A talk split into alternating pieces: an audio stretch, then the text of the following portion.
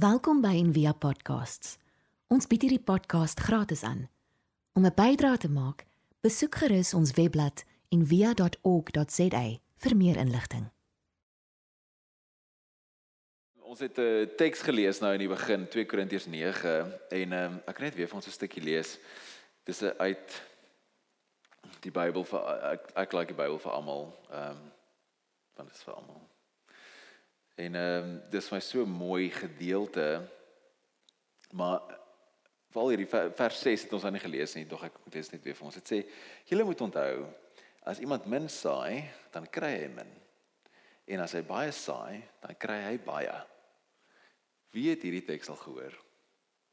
Wie het hierdie teks al baie weird kontekste gehoor in 'n kerk? As jy min saai, gaan jy min oes, né? Nee? En dan stuur ons daai mandjie. Nee. dis mos dis mos wat dit sê, né? Nee? Dis mos dit mos so. Ons sê, né? Nee? Jy plan daai geldjie en dan kom hy oes. En ehm um, ek het yes, ons het al ek horror stories. Ek dink Myndria Letse ons top top horror kerk storie nê nee, was hierdie teks.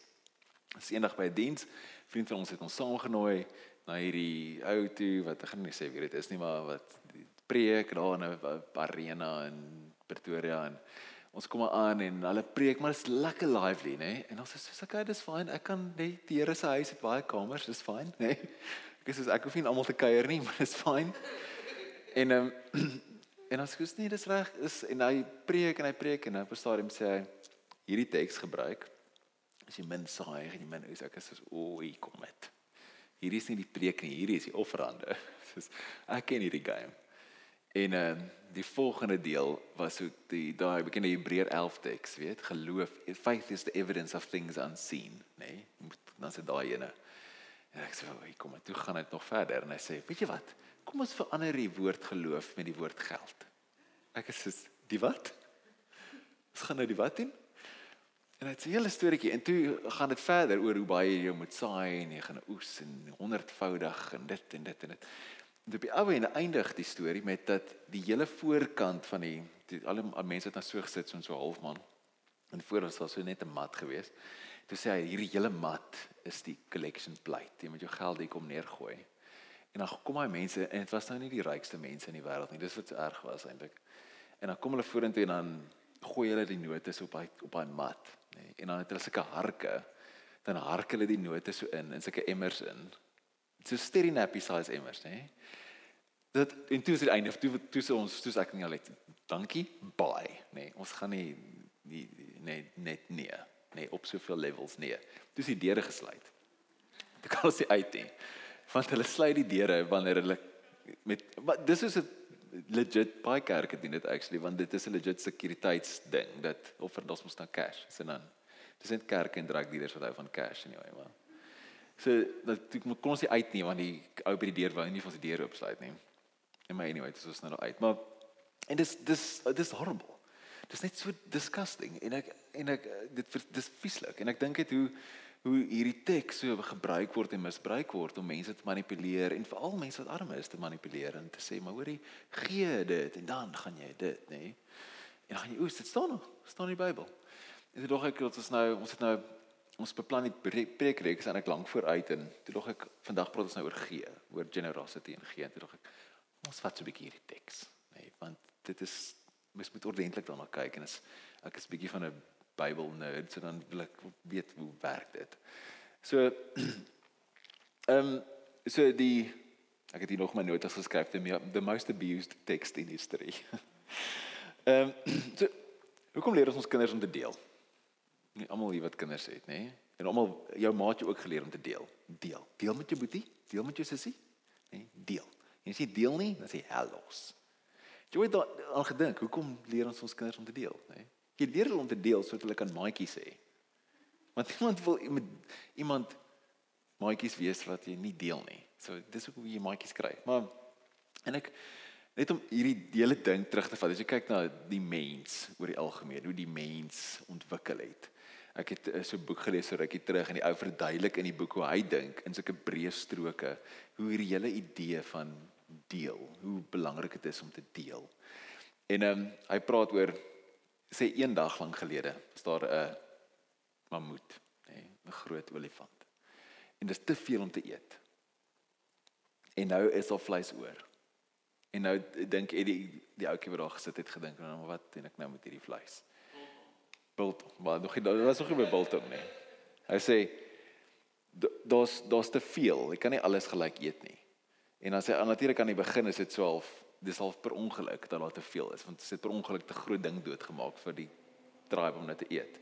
So dan dan dink jy, wel wag 'n bietjie. As ek nou nie as ek nou 'n bietjie los vir later, dan hoef ek nie later weer te gaan jag nie. Of net as ek nou nie alles opeet nou nie. Net dan het ek môre nog. Dan kom hierdie hierdie idee in van spaar en nie myself vervreet nou nie. Soos ek meen ons honde as jy bakvleis aan neer sit, hulle sal alles opeet. hulle gaan nie dink ek gaan bietjie los nou vir later en dan hoef ek nie môre weer te worry en alles. Hulle sal eet tot hulle maag pyn. Letterlik tot hulle maag moet nie ontplof. En ehm um, so as ek nou as ek bietjie los vir vir later, dan hoef ek nie dan gaan ek nie later honger wees nie. En dan die wat ek verlief is, gaan dan ook nie honger hoef te wees nie. So dis 'n pretty goeie idee. En dan die volgende ding wat ontwikkel is, is hoor jy, ek kan hierdie nou stoor tot môre, maar ek het nou nie, weet ek het nou nie 'n smeg yskas in my grot nie. Ek kan nie dit bære vir lank nie. Of is 'n goeie Afrikaner, 'n kusvriezer in die garage nie. Ek ek dalk moet ek dit vir iemand anders gee. Nee, ek kan dit nie so lank, dalk moet ek dit vir iemand anders gee. En dan en dan gaan hulle ook nie honger wees nie. En dan maar dalk as hulle dan ander dag as hulle te veel vleis het, dan dan gaan hulle van hulle maar moet vir my gee. En dan hoef ons ek nie honger nie. En dis 'n pretty goeie deal. Hey, want dan as ek nou is hulle nie honger nie, ek sien nou honger nie. Ander dag dan sal hulle dan as ek weer nie honger nie. Dis 'n pretty pretty goeie deal. En dan dalk as ek as ek deel met daai mense, dan gaan hulle my ook vertrou. En dan gaan hulle dink ek's nice. En dis ook dis ook nie 'n slegte ding nie. En dalk kan ons dan vir altyd hierdie doen. As jy dan kan ons vir altyd ruil en en deel. En dis 'n pretty goeie idee. En dan op so 'n manier dan dan word mammoet word toekomstige mammoet future mammoth wat jy half bære en jy bære dit deur om dit vir iemand anders te gee. Maar dan gaan sal hulle weer vir jou teruggee. En dan dis op hierdie manier waar hierdie sosiale kontrak ontwikkel het. En dit is hoe ons ons samelewing werk. Ons samelewing werk want ons deel. En dis hoekom ons ons kinders leer om te deel. Want elke elke kind wat nie deel nie, word uitgeskuif. Want deel beteken nie dat jy jy jy gee iets wat jy en jy gaan nooit weer terugkry nie. Want dis wat elke kind dink wat deel beteken uit te kan die begin. Ek moet nou vir my smarties weggee en dan gaan ek dit nooit weer sien nie. Nee, of ek my speelgoed moet deel en dan gaan ek dit nooit weer terugkry nie. My kry dit weer terug. My kry dit terug op 'n ander manier. En dit is hoekom ons dis alweer hoekom ons kinders leer om te deel. Want die kinders wat nie kan deel nie, kan nie handel dryf nie, want dit is eintlik is dis eintlik wat handel dryf is om te deel met mekaar. En die kind wat nie kan handel dryf nie, kan nie vriende hê nie. Want vriende is 'n manier van handel dryf om iets te deel met iemand anders. So hierdie is Jordan Peterson, dis eintlik in sy een boek, praat hy daaroor, 12 Rules of Life, praat hy 'n bietjie oor deel en sacrifice. Dit is goed om te gaan lees. Dit is fascinating. So dit is hoe die mensdom ontstaan het. En ehm um, hy praat ook van Benjamin Franklin. Het uh, hy was nogal 'n rockstar, maar hy, hy sê dat hy het een keer voorgestel dat as jy nuut intrek in 'n in 'n nuwe omgewing, in 'n nuwe neighborhood, dan die beste ding om te doen is ehm um, om na 'n nuwe na 'n nuwe buurman toe te gaan, nê? Nee, en jy vra hulle vir 'n guns. 'n Klein guns. Nê? Nee, jy vra vir hulle, "Hoe sê hoor jy, ek nou net ingetrek, het jy vir my skroewedraaier om te leen." Nee, dit is soos die beste ding wat jy kan doen om jouself te establish binne in 'n nuwe in 'n nuwe omgewing. Want hy hy quote hierdie ou maxim wat sê he that has once done you a kindness will be more ready to do you another than he whom you yourself have obliged. Met ander woorde, as iemand anders vir jou iets gedoen het, dan gaan hulle dit hulle is meer geneig om dit dan weer te doen as wanneer jy eerste keer die guns doen. Want die oomblik as jy vir iemand 'n kans gee om 'n gunstige 'n gunste vir jou te kan doen, dan kan hulle dan word hulle gesien as die goeie een. Die goeie neighbor. En dis soos die argetipe. Die goeie een wat betroubaar is, dis die, wat deel. As jy deel, is jy 'n goeie mens. Dis soos in ons dis in ons DNA in. Wanneer jy deel, is jy 'n goeie mens. Dan is jy iemand wat betroubaar is. En dan van daar af kan 'n verhouding ontwikkel. En dan bou jy so 'n neighborhood. Nou dis obviously beter om iets te hê as om niks te hê nie. En maar dit is nog beter om te deel wanneer jy iets het. En dit is nog beter om bekend te staan daarvoor dat jy die een is wat deel. Dat jy die een is wat vrygewig is en generous is. En dit is iets wat hou.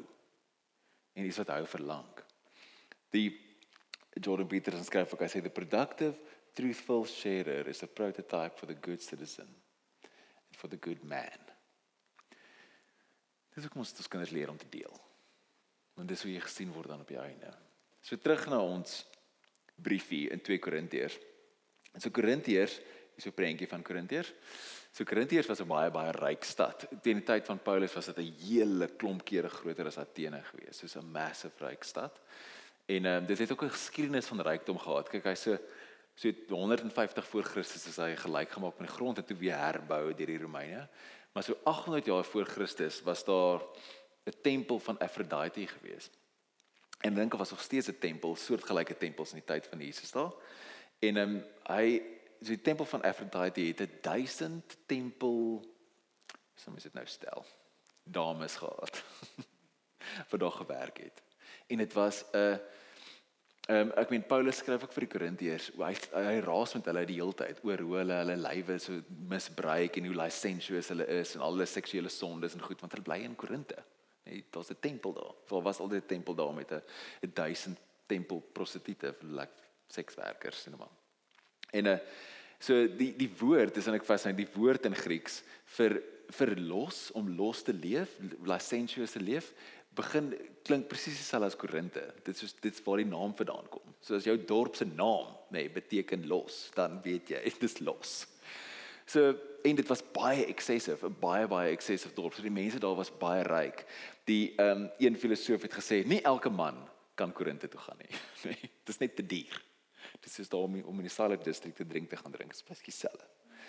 So ehm um, die ja, die tempel van Aphrodite was ryk en duisende slawe en mense gehad wat daar gewerk het en um, mense het baie baie geld in Korinthe gehad en baie baie geld spandeer. En dit was hulle het ook Korinthe was soos 'n multi-faith tipe plek. So klomp verskillende gelowe het bestaan langs mekaar en deur mekaar en klomp verskillende dit was 'n hawe stad, so klomp verskillende nasionaliteite en goed, heavy metropolitan tipe plek.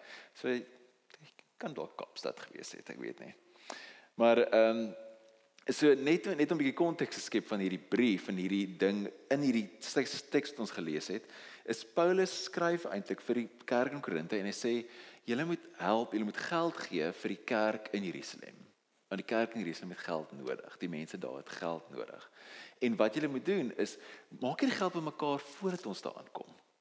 Hey, dan wanneer ons daar aankom, gaan dit so mooi wees. Dit gaan hierdie mooi gift wees sodat dan as ons daar aankom dan kan jy dit klaar reg hê en klaar vir almal gee en of jy staan net te worry met mandjies omstuur en harke en goed nie jy kan dit dan net dan net kom haal. So hy sê en hy is baie erg daaroor dat hierdie soos 'n dat dit vrygewig is. Dat dit iets is wat jy gee omdat jy dit wil gee, dat dit met joy is om te gee. Nou hy skryf dan in die stukkie skryf hy en hy sê maar maar maar hoekom moet jy hierdie gift gee? Sê hoekom moet jy dit gee? En sy eerste sy eerste punt wat hy maak, hy sê hy sê en God is by magte om aan julle alles in oorvloed te skenk sodat julle in alle opsigte altyd van alles genoeg kan hê en volop kan bydra vir elke goeie werk. So die eenvoudige ding is dis God die eerste rede hoekom jy moet gee, want God het vir jou gegee. Hè? Dis God gee vir jou, jy lewe, jy's hier, jy het kos om te eet, jy het bietjie ekses, bietjie ekstra mamoet, en nou gee dit. En God gee dit, so daarom moet jy gee. En en hierdie teks ook, dis ook een van die tekste wat so wat so gebruik word om te sê God gee vir jou al hierdie baie, hierdie eks, hierdie groot goederes en en weet en daarom kan jy gee of God gaan dit vir jou gee wanneer jy wanneer jy gee. Maar die Griekse woord wat daar gebruik word is autarkia, nê? Dit beteken jy het genoeg. En dit was soos 'n die filosowe het dit gebruik. Dis amper soos 'n ideaal om te sê dis hoe die absolute minimum wat jy nodig het, nê? Nee? Dis wat outerkia is. Soos om om absoluut lean and mean te leef. Soos met die heel heel minste oor die weg te kom. Dis wat hierdie woord beteken. En Paulus gebruik hierdie woord wanneer hy met die wanneer hy met hulle praat. Hy sê net vir hulle omdat julle so super super ryk is, nie. hy sê omdat julle God sal sorg dat julle net genoeg het. Outerkia. Dat julle op die minste oor die weg, met die minste oor die weg kan kom. En dit was soos hierdie ideaal, hierdie Griekse ideaal gewees om soos super super minimalisties te leef. Waar ons hierdie teks gebruik baie keer en sê dis ekses en groot. En hy sê dat God God voorsien in al jou behoeftes wat beteken soos outerkie en al die soos die minimum. En nie die God God voorsien in al jou behoeftes beteken nie alles wat jy wil hê, alle moontlike behoeftes nie. Maar die minimum. Daai klein en Paulus in ander plekke ook, dan sê hy as jy 'n dak oor jou kop het en jy het kos gehad om te eet vandag, dis genoeg. Dis meer as genoeg. Dan moet jy tevrede wees en kontent wees. Minder as dit moet jy begin worry. Net daai. En as ek dink oor hoe baie mense, ek meen meeste van ons wat hier sit, kan jy klassifiseer as ryk en hoe baie van ons gesê maar nog weet nog net 'n bietjie nog 'n bietjie ons het nie genoeg ons het nie genoeg nie en en dit ander met hoe min mens tevrede mee kan wees alles wat jy nodig het nie alles wat jy moontlik wil hê nie nie heeltemal dieselfde ding nie. Dan God gee self. En hierdie beeld van 'n vergewige God kom eintlik voor van die begin af. Van God wat altyd excessive in die tuin van Eden, dan gee hy dan gee hy ehm um, die vrugte om te eet en dan later gee hy die diere ook om te eet vir Noag hulle nou so na die sondeval. En dan gee hy vir hulle die diere om te eet en dan gee hy vir hulle die grond te bewerk en hy gee reën vir die aarde. En God gee en gee en gee die hele die hele tyd. So dit is also funny ehm uh, stand-up comic wat hy sê dat God kom terug na die aarde toe en dan vra God vir die mens: "Wat het jy gedoen?" Hoekom lyk dit so? Hy sê ja nee, maar dit sê die mense ja, maar ek moes 'n werk kry. Hy sê wat wat is 'n werk? Hoekom het jy werk nodig gehad? Hy sê ja, maar ek moes kos koop. Hy sê hoekom eet jy nie die goed wat ek op die grond gesit het nie? Hy sê ja, maar dit het nie bacon op nie. Ek wil bacon hê. So maar God is hierdie vergewige God wat heeltyd vir die mens sorg. Dit is die eerste beeld wat ons kry van hom. Hy gee reën vir die aarde, hy gee die vrugte, gee al hierdie staf. En hom hy gee sy seun Jesus gee die gees. Jesus vermeerder die brood. Dis heeltyd soos hierdie eksesse. En Paulus gebruik hierdie image en hy sê God doen dit, daarom moet jy gee. Daarom kan jy gee. En God is hierdie perfekte uitgieting van liefde. Die antieke kerk het God verstaan as as perichoresis, dit beteken 'n dans van die een wat heeltyd binne in die ander ene uitgiet die Vader en die Seun en die Seun en die Heilige Gees en die Gees en die Vader, die liefde wat net vloei en vloei en vloei. En wanneer ons deel word van daai liggaam en deel word van die kerk, dan word ons deel van daai uitgieting van liefde. Want soos die een en die ander een die heeltyd. Want perfekte liefde het niks nodig nie. So God het niks nodig nie. Sê as jy niks nodig het nie, dan kan jy net gee. En dis wat Paulus probeer leer in hierdie ding. En daai weer daai beautiful prentjie in in ehm um, van die verlore seun. Die verlore seun, die hoofstuk sê in die Engelse Bybel the prodigal son en dit was altyd vir baie baie jare voor die reformatie was dit gewees the prodigal god. Die prodigal beteken morsig.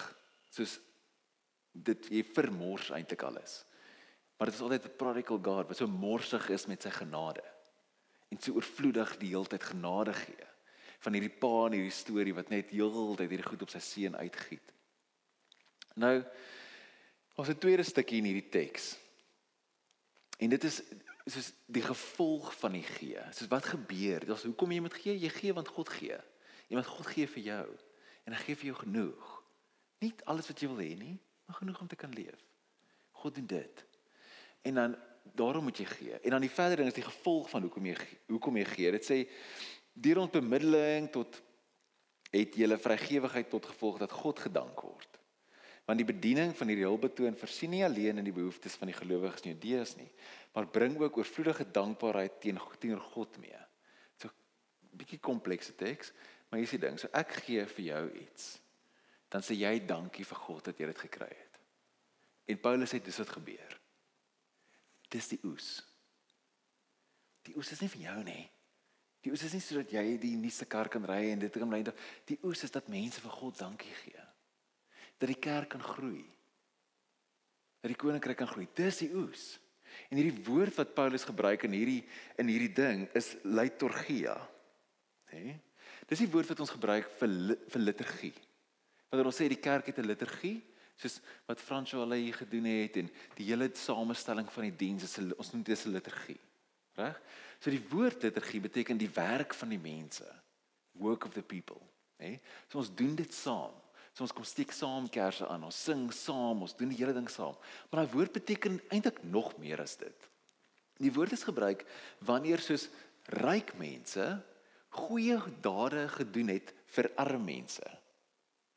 Wanneer ryk mense geld gegee het vir ander mense, dit is 'n liturgie. Dit is die werk van die mense. Jy kan amper sê die werk van die ryk mense. Dit was die verantwoordelikheid van die ryk mense om 'n liturgie te gee vir ander mense. Want dan kom daar dankbetuiging terug. So hoe antieke tyd gewerk het, is dit was soos ons gepraat het oor die mammoet en alles, daar's 'n sosiale kontrak, nê? Nee? So ek gee vir jou 'n gift en dan moet jy vir my een teruggee. En dis hoe dit gewerk het, handel dryf die heeltyd. So ek het baie skape, jy het baie olywe, dan gee ek vir jou skaap as 'n gift, maar die gift was nie verniet nie. Dit was 'n wederkerige kultuur. So jy moet vir my olywe teruggee. En daai kontrak hou aan en aan en aan en aan totdat een van die partye sê dankie. Dankbetuiging beëindig die kontrak. Dit sê dan ek ek kan nie of ek wil nie meer vir jou gee nie. Gewoonlik beteken dit ek kan nie. Met ander woorde, ek kan nie jou gifts match nie. Ek's nie op dieselfde vlak as jy nie. So wanneer 'n ryk mens vir 'n arme mens gee, hulle kan nie nou ding teruggee nie. So al wat hulle dan moet teruggee is dankie. Onthou die storie van die 10 melaatses? Dit is 'n storie in die Bybel? Nee, dan het ons van ons skoot geleer en dan die lesie was altyd jy beter sê dankie en asseblief? Nee. Dis nie waar daai storie gaan nie. Die storie gaan daaroor dat soos jy sê net dankie wanneer jy dit nie terug kan gee nie. Wanneer jy nie weer verwag om in die van hierdie mense dienste gebruik maak nie want jy kan nie dit eintlik teruggee nie. So wat die 9 mense wat nie vir Jesus dankie gesê het nie, het nie besef wat hier aangaan nie. Die een ou wat besef het, maar Jesus is way worse as ek in hierdie leer. Ek sê vir hom dankie. Ek gee hom daai eer terug. So hoe dit gewerk het letterlik, as jy daar's dokumente opgeteken van hoe die ryk mense in Rome, dan gee hulle dit was soos biljoene in vandag se terme wat hulle weggegee het soos by hulle huise. En dan het wanneer hulle in die stadspoorte gaan staan en en en debatteer met almal nê dan al die mense wat dan hulle vergeet het nou in die week moet dan daar kom staan en sê jy's jy's amazing nê. Kyk hoe awesome is jy nê. Dan kom hy eer en goeders terug. En dis hoe daai stelsel gewerk het. En nou wat so freaking beautiful is wat Paulus doen hy sê jy doen 'n liturgia nê maar nie vir jouself nie vir God hy sê jy gee Nie dat jy self daai dank en eer en alles kan terugkry nie, sodat God dit kan kry. En dit is die oes. En dit is waar dit gaan. Dis hoekom jy gee. Jy gee dat God die eer kan kry. Ons ons humanity nê nee, word ten volle openbaar wanneer ons gee. Dis so 'n oerding in ons DNA. En dis ook 'n godsding. Dis ook 'n diep diep spirituele ding om te kan gee en te kan oopmaak. En wanneer ons gee dan ons breek die wêreld se hierdie onnatuurlike ritme van selfsug. Ons breek dit wanneer ons generous is. En dis dan die oes. Dis dan die oes. Dis nie vir iets vir jou nie. Dis iets vir God. Dis iets vir die koninkryk om generous te wees en met oop hande te leef. Dis beautiful. Ek het hierdie pakkie koekies hier neergesit, hè.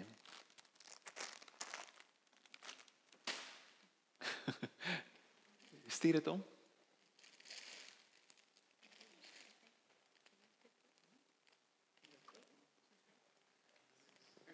Maak die pakkie oop.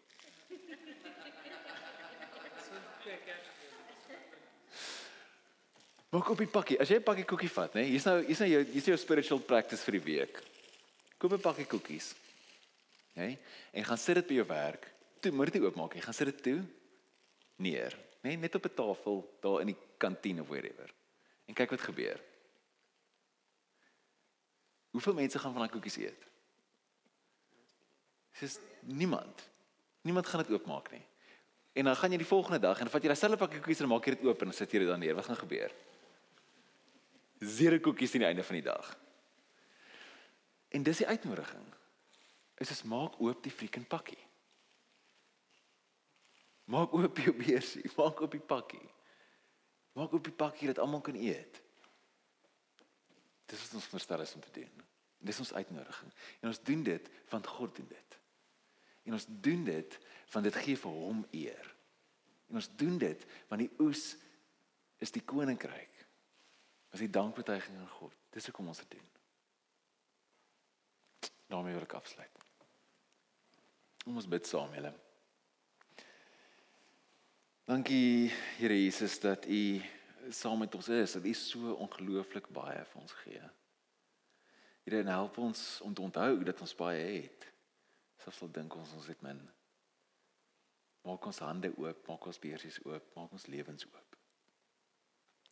Dankie dat U saam met ons is. Ons loof U naam. Amen. Ons hoop van harte jy het hierdie podcast geniet of raadsaam gevind. Besoek gerus en via.ok.za vir meer inligting.